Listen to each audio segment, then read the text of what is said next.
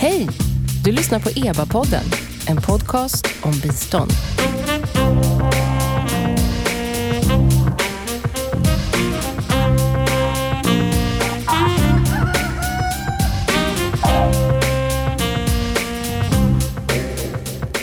Välkomna till EBA-podden. Jag heter Nina Solomin. I det här avsnittet så fortsätter vi samtalet om svensk biståndshistoria. Och i studion med mig sitter, precis som i det första samtalet, idéhistoriker Annika Berg och historiker Mattias Thudén, bägge vid Stockholms universitet. Välkomna tillbaka. Tackar, tackar. Tack så mycket. Ni skriver på ett pionjärarbete, det svenska internationella biståndets historia mellan 1945 till 1975. Och vi ska också nämna att historikern Urban Lundberg är en av tre författare i det här projektet. Han kunde inte komma hit nu, han är bosatt utomlands för tillfället, men vem vet, vi kanske kan bjuda in honom när boken släpps. När är det förresten? Efter årsskiftet någon gång, eh, 2020 hoppas vi kanske. Det är tre decennier av biståndshistoria. Hur många sidor kommer verket att bli? Allt för många kanske. Men, Allt för många? 2000 eller? Nej, det är väl det där som är vårt problem just nu. Vi håller på att försöka göra en, en läsbar bok av det hela. Det är lite mycket just nu. Okej, okay, den som inte orkar läsa 20 000 sidor kan alltid lyssna på de här två poddsamtalen, eller hur? Mm. Flott. Okej, okay, men eh, om vi bara ska försöka orientera oss lite tillbaka till där vi var. Eh, Mattias, eh, om du övergripande skulle beskriva hur hur de här tre decennierna av bistånd har sett ut i Sverige? Det handlar om mycket, mycket mer pengar. Från en liten, liten del, som stat, mycket liten summa som staten satsar på 50, början på 60-talet till att man når 1% målet i mitten på 70-talet. En enorm expansion på det sättet ekonomiskt. Eh, sen kan man ju peka på sånt som att eh, det förändras från att de flesta som var involverade i biståndet på 50 början på 60-talet var amatörer. Alltså, eh, det sker en professionalisering under 60-talet och 70-talet som gör att vi har en helt annan typ av biståndsverksamhet när vi kommer fram till 75. Det är väldigt intressant och det kan man ju säga egentligen leder över till en av de delarna som du har fördjupat dig i Annika. Alltså den här yrkesidentiteten biståndsarbetare. Hur har den vuxit fram? Mm, det är ganska intressant att titta på det. För man tittar på 50-talet och tidigt 60-tal. Man tittar på de här första debatterna och utredningarna som gjordes kring hur det svenska biståndet skulle utformas, den här propositionen och så. så är det, då är det väldigt mycket experter som diskuteras, väldigt självklart. behovet av experter som alltid också är väldigt stort, så, liksom väldigt bristande. så. Eh, och det var ju också huvudsakligen då inom det här bilaterala biståndet tekniskt bistånd man satsade på, alltså personal, i praktiken personalbistånd. Att man skickade ut folk som skulle lära folk i tredje världen olika saker. Eh, till exempel att man skickar ut en svensk ingenjör som berättar hur man bygger broar eller? Det, det, kunde ju vara det, men tekniskt bistånd var en mycket, mycket bredare term. Så att det handlade inte bara om teknik, liksom ingenjörsmen, utan det var liksom en internationell term som man använde för att då just till skillnad från finansiellt bistånd, när man skickade bara rena pengar. Så, så, att det, så det handlar väldigt mycket om att man skulle skicka ut då, eh, know experter, ja, know-how med hjälp av då experter ut till andra länder. Och det var också en hel del experter som skickades ut via FN under de här första åren. Sen så kom det så småningom också en framväxande medvetenhet om att det behövdes något mer än bara ren fackexpertis på olika områden när man skickades ut. Eh, det behövdes kunskap om de specifika länderna, det behövdes kunskap om specifika kulturskillnader och också om kulturkrockar, hur man rör sig i väldigt annorlunda miljöer och sådär. Det behövdes språkkunskaper, det behövdes också, man började prata mer och mer om socialpsykologiskt know-how och sådär. Sådana saker. Så att från början av 60-talet så pratade man mer och mer om att det behövdes någon slags speciell utbildning för folk som skulle ut på sådana här uppdrag. Och från mitten av 60-talet så drar man också igång med sådan. Då. Ungefär när Sida startar så drar man också igång ganska snart efter det regelbundna kurser då som alla eh, skickas ut på. Och det är också ungefär i den vevan som begreppet biståndsarbetare myntas. Är det framförallt kvinnor eller män som, som dras till det här, till, in i, i biståndsverksamheten i Sverige? Eh, från början är det ganska underförstått då att det är, är män, men gärna med, då med medföljande fruar som kunde jobba lite gratis med olika projekt och så. Eh, men redan från mitten av 60-talet så är det ändå en hel del kvinnor som åkte ut och utmanar normen. Och från 1970 ungefär så kan man se ganska tydliga, starka influenser från liksom andra vågens feminism under den här tiden. Också kvinnor som jobbar inom Sida, både i fält och centralt, börjar ställas tydliga krav på lika behandling i den här ganska mansdominerade miljön. För det var ju verkligen en mansdominerad miljö från början. Ja, det var ju experter. Så att... Eh, ja, och det präglade väl också kanske vilka som rekryterades också. Så. Eh, och det var också nu som frö, eh, kan man säga, fröna till ett mer kvinnoinriktat bistånd växte fram. Satsningar på kvinnor som företagare, kvinnors mänskliga och reproduktiva rättigheter. När då? På 70-talet? Eller? Ja, mer, mer under 70-talet. Mm. Mm. Och det här hade ibland tagits upp i samband med familjeplanering, men mer som en lite så bonus vid sidan av. Det var befolkningskontrollen som var i högsätet där tidigt 1900-tal och tidigare än så till och med så har det ju framförallt varit missionärer från västerlandet som har åkt till exempel till afrikanska länder och bekämpat analfabetism och möjligtvis förbättrat vissa hälsofrågor och sådana saker. Eh, hur förhåller man sig till det arvet? Mm, och det där är också en av de här, om man tittar på de här pressdebatterna, så är det också en av de här livliga diskussion, debattlinjerna som går här under mitten av 60-talet. Just att det finns ju fortfarande är ju liksom missionen tror jag, större i volym än det statliga biståndet. Det finns en hel del missionärer ute i fält och de vill ju slå ett slag för att de har, har massa erfarenheter att bygga på och ofta så präglas de också av en ganska mycket så här fostrande attityder till befolkningen och sånt där som, som då å andra sidan de här nya biståndsarbetarna ofta reagerar, reagerar på. De vill ha en ny typ av bistånd som inte är befläckad av de här gamla. Så, att, mm. så det är fortfarande en aktuell debatt här. En annan sån debatt som är väldigt aktuell är liksom just kring man pratar ganska mycket om det ugly American-problemet. och det Eh, Eh, efter titeln på en amerikansk bok som släpptes i slutet av 50-talet som just eh, pekade på hur vissa då amerikaner betedde sig. Ja, det var diplomater framförallt i den boken och så. Men det fanns en föreställning om att det var många som levde ett lyxigt expatliv ute i fält och man satt mest vid poolkanten och drack drinkar och inte minst fruarna satt och gjorde det och så. Fanns det några svenska biståndsarbetare som, som levde så? Eh, det var väl väldigt omdebatterat. Det var många som menade att så ser det inte ut i fält medan det liksom andra pekade på att så visst var det. Och det fanns alltid den här risken att det var så. Så det var ju också eh, mycket av de här debatterna gick ut på att man skulle, man skulle vara effektiv och verkligen jobba med jobbet och inte falla ner i någon slags lyxtillvaro. korrupt lyxtillvaro. Mm. Och sådär också. Mattias, eh, mm. Sida är ju den centrala biståndsmyndigheten och idag är ju det en ganska stor myndighet men så har det ju inte alltid varit. Hur, hur var det från början? Ja, om vi tar eh, just Sida som kommer 1965, det finns ju några föregångare, så är ju inte Sida jättestor ens då. När, eh, jag tror man har någonting runt eh, 160 anställda. Det kan låta mycket men med tanke på de pengar man faktiskt fick ta hand om under 60-talet, den enorma expansionen, så är det inte jättemycket. Medan biståndet ökar, det tiodubblas från 65 till 75. Från miljonbelopp till miljardbelopp så fördubblas ungefär eh, antalet anställda i Stockholm till 350, 60 någonting, 75. Och det här är ett problem man har hela tiden, att man anser sig vara underbemannad. Och det är, arbetsmiljön är uppenbarligen inte särskilt bra på Sida på 60-talet. Det är protester kring arbetsförhållanden och sådana saker. Va? Och det görs utredningar att få statliga tjänstemän jobbar så hårt som de på Sida Stockholm, sägs det i varje fall.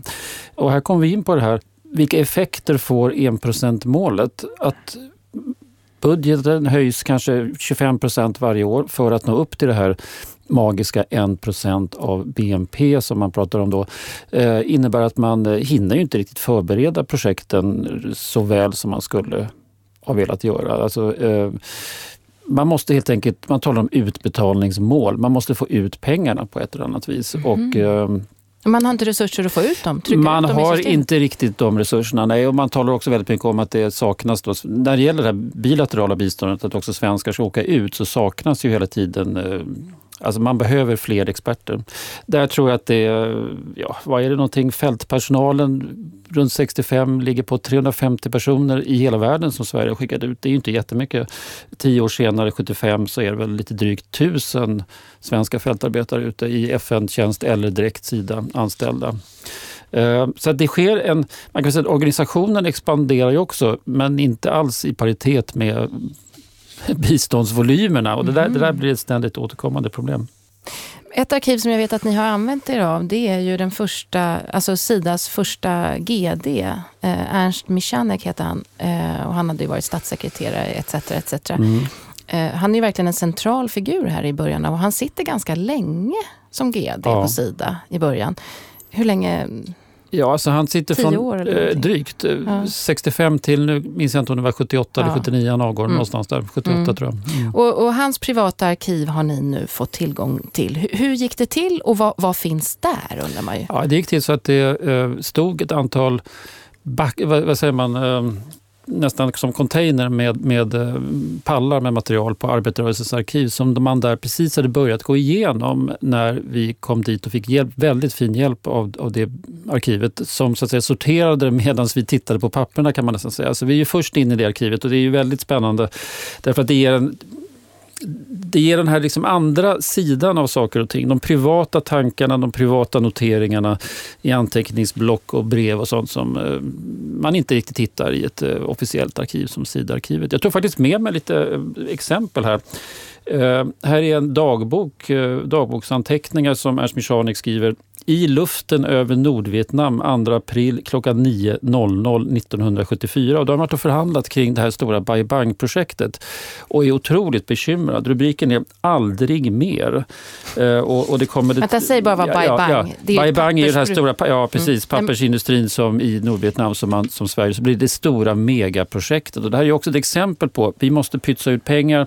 Man, vi söker söker stora, dyra projekt, säger man då på 70-talet. Och Bai Bang blir ju ett sånt.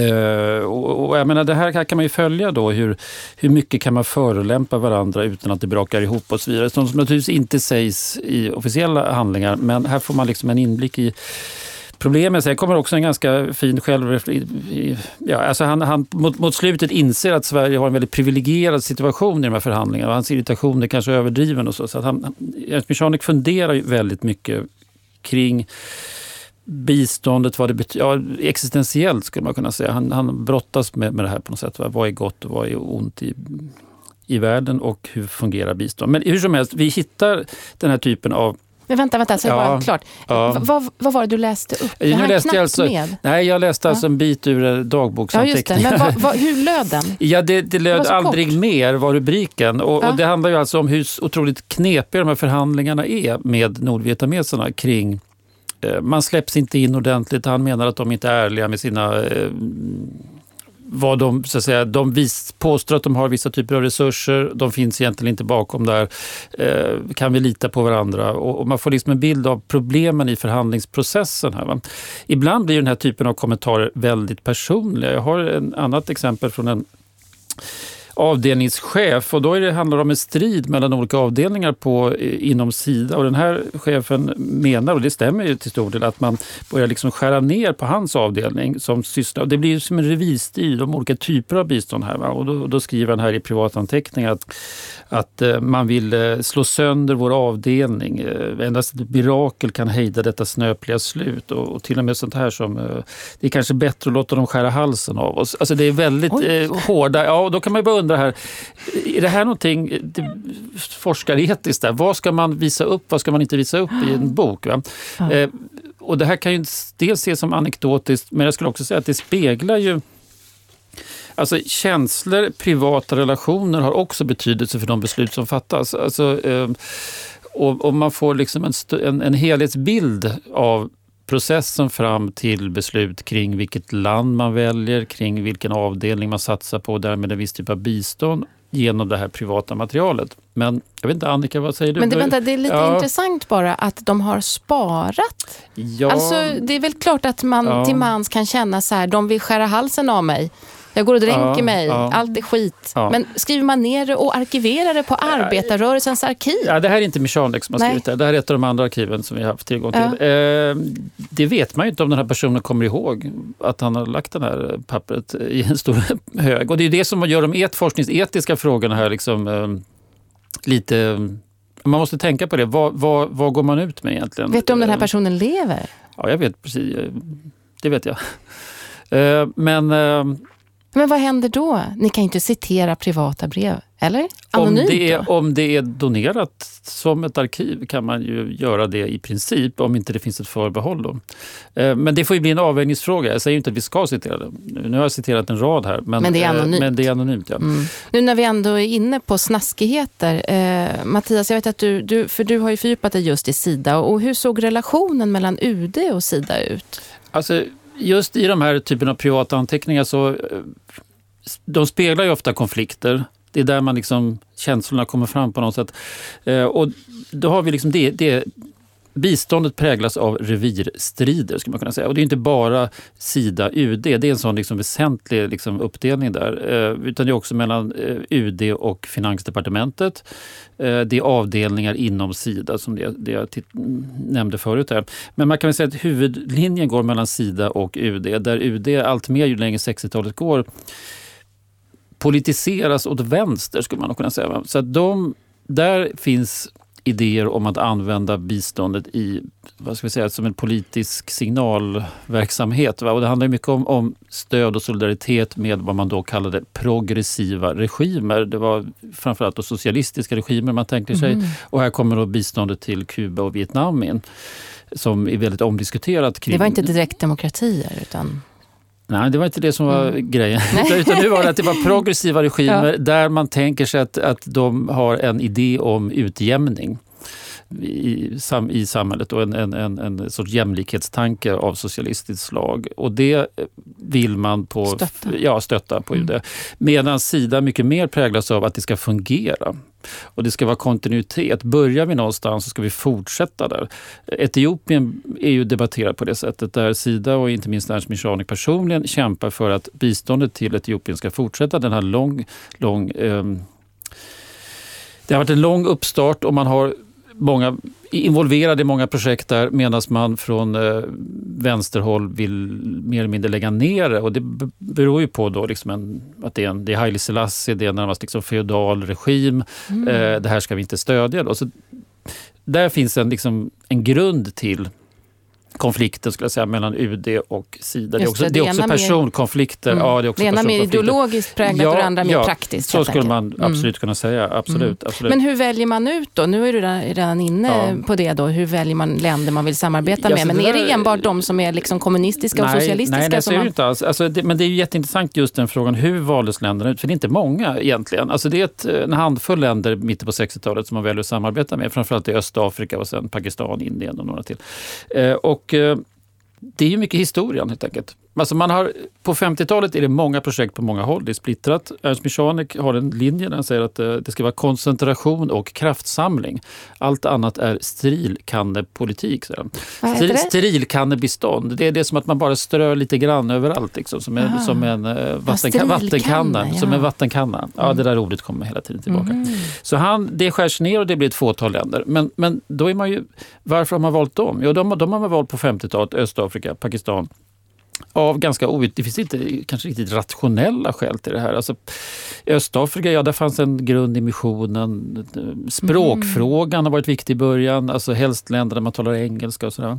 Och ju längre tiden går så inser man att man är fast i det här. Man är fast i de länder som, för det är kostar väldigt mycket pengar också att, liksom, att lämna någonting. Det blir resurser som man har liksom slösat bort. Va? Så man är fast i tidigare beslut skulle jag kunna säga. Jag hittade ett, Ah.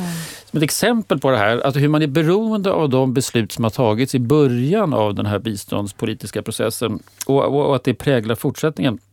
När Sidas styrelse i mitten på 60-talet, 66-67, ska diskutera ländervalet som man kallar det här för. Va? Och Mm. då, då är de, de länder man är involverad i Etiopien, Indien, Kenya, Pakistan, Tanzania och Tunisien i första hand. Va? Så sitter man där och säger, ja, säger den ena i styrelsen, det här är ju faktiskt inte rationellt de här länderna vi har valt. Det är historiskt betingat och det här är nu ett rent citat. Vi påtvingades ju ett visst länderval, säger ordföranden här i styrelsen. En gång valda blir vi djupare och djupare engagerade i dessa länder. Man kan inte hur som helst ändra kursen på en atlantångare. Sitter man då och, och liksom bekymrar sig att man är fångad i den här historien i styrelsen. Och det, och det kan man väl säga, eh, till stor del går man på i gamla spår Mm. när det gäller ländervalet. Ja, för man investerar ju så Man har mycket. investerat så Ja. pass mycket. Och sen är den här politiska diskussionen och det gör att när det läggs till länder runt 70, slutet på 60-talet, början på 70-talet, då är det den här politiska tanken som kommer in, UD och andra och Ja. vänsterdebattörer pressar på. Kuba och Vietnam får betydligt mer pengar. Så småningom kommer Latinamerika, eh, Sydamerika in, men det är mycket längre fram. Chile testar man. Precis före kuppen så skriver man ett samarbetsavtal med Chile. Efter kuppen så det hinner liksom aldrig gå igång, så Mm. då, då stängs det ner. Då. Så att det, det, man kan säga så här, det är inte rationella, det är så att man har suttit och... Det finns något, man, Alva Myrdal gör man på 60-talet en vad hon kallar kriterielista. Så här ska ett land se ut för att det ska vara rationellt för oss att ge bistånd. Och det är väldigt noga genomtänkt ur en arbetsgrupp. Och det säger man sen, ja den här använde vi bara en gång. Det var ett mindre bistånd till Sudan mitten på 60-talet. Då gick vi för den listan. Men den typen av faktorer spelar inte så stor roll utan det är andra faktorer som inte kanske är så väldigt rationella som Praktiska. Ja, praktiska Mm. och sen där lite ideologiska, Ideologiska 70-talet. också, Tanzania, men det är ju ett bra exempel. Det är fortfarande en av de absolut, om inte det land som får Det mest största, pengar ja. fortfarande. Mm, Ja. Det är det. Mm. Annika, eh, om vi då ska dyka ner i ett par projekt. Mm. Du har skrivit om två tidiga projekt. Kan du berätta lite om dem? Ja, jag har ju fördjupat mig lite grann i de här tidiga då, befolkningsbistånds eller familjeplaneringsprojekten som Sverige drog igång. Det första i eh, Ceylon då, beslut i mitten av 50-talet och drog igång 58 då. Och Pakistan ett par år senare eh, drogs igång. De är lite intressanta eftersom Ceylon-projektet i efterhand har ofta beskrivits som det här väldigt, väldigt lyckat, eh, Mhm. unikt, världs, eh, ja, ganska su- succéartat projekt på något sätt. Eh, Medan då Pakistan regelmässigt har beskrivits som ett stort misslyckande och nästan en katastrof. Sådär. Men vad gjorde man mer konkret i Ceylon och i Pakistan? Familjeplanering, vad? Skickar ja. man ner sjuksköterskor? Eller ja, vad, alltså liksom? de är ju väldigt, för det första är de väldigt olika de här projekten. Ceylon är ett väldigt småskaligt projekt där man i princip skickar ner en svensk läkare och sen så eh, rekryterar lite, lite lokal Som personal. ska göra vad då? Så man ska typ Dela ut alltså- kondomer eller? Eh, Ja, det är liksom en del utav det då, men framförallt så handlar det liksom ganska uttalat att det handlar om att samla kunskap om hur familjeplanering kan Aha. gå till och förhoppningsvis få ner födelsetalen lite grann, men framförallt ja, men ganska sådär, få, få in kunskap för att kunna skala upp projekt i framtiden och Mm. använda det här som Pakistan då, eh, som man ger sig in ett par år senare, där blir Sverige, det är mycket mer storskaligt från Sveriges sida, men framförallt så är det liksom en del i ett jättestorskaligt projekt som Pakistan drar igång nationellt. Om man tänker sig att man ska ha hundratals eller tusentals liksom, familjeplaneringsstationer. Som man ska, Mm. Så det är väldigt, väldigt olika struktur på de här projekten. Men vad gör man på de här stationerna menar du? Eh, ja, men även där så handlar det ju liksom om att man ska, man ska försöka få folk att använda preventivmedel. Det handlar mycket om så här p-skumstabletter och så småningom kondomer. Och från början i tanken i, i här kommer väldigt mycket in det här liksom hjälp till självhjälp. Man ska helst liksom få folk att... Det handlar väldigt mycket om kvantiteter här. Man ska få födelsetalen att sjunka på ett väldigt så aggregerat nationellt plan. Vilka, vilka är de vanligaste misstagen eller största misstagen? Ja, men det är där som jag tycker är kanske det intressantaste ändå med den här studierna där, att det liksom är så redan från början är själva målsättningen att det ska vara en läroprocess och man ska lära sig av sina misstag. Sen, sen, hen, sen är det väldigt komplicerat, inte minst i Pakistan. Då. Det är ganska oroligt där. Det är liksom, eh, man skickar ut fel utrustning, man skickar liksom jeepar till Östpakistan som då är Bangladesh där man framförallt tar sig fram med båt till exempel. Och material står och eh, rostar sönder och man, eh, det är rövarband och det är epidemier. Vilken del har varit mest spännande att skriva om?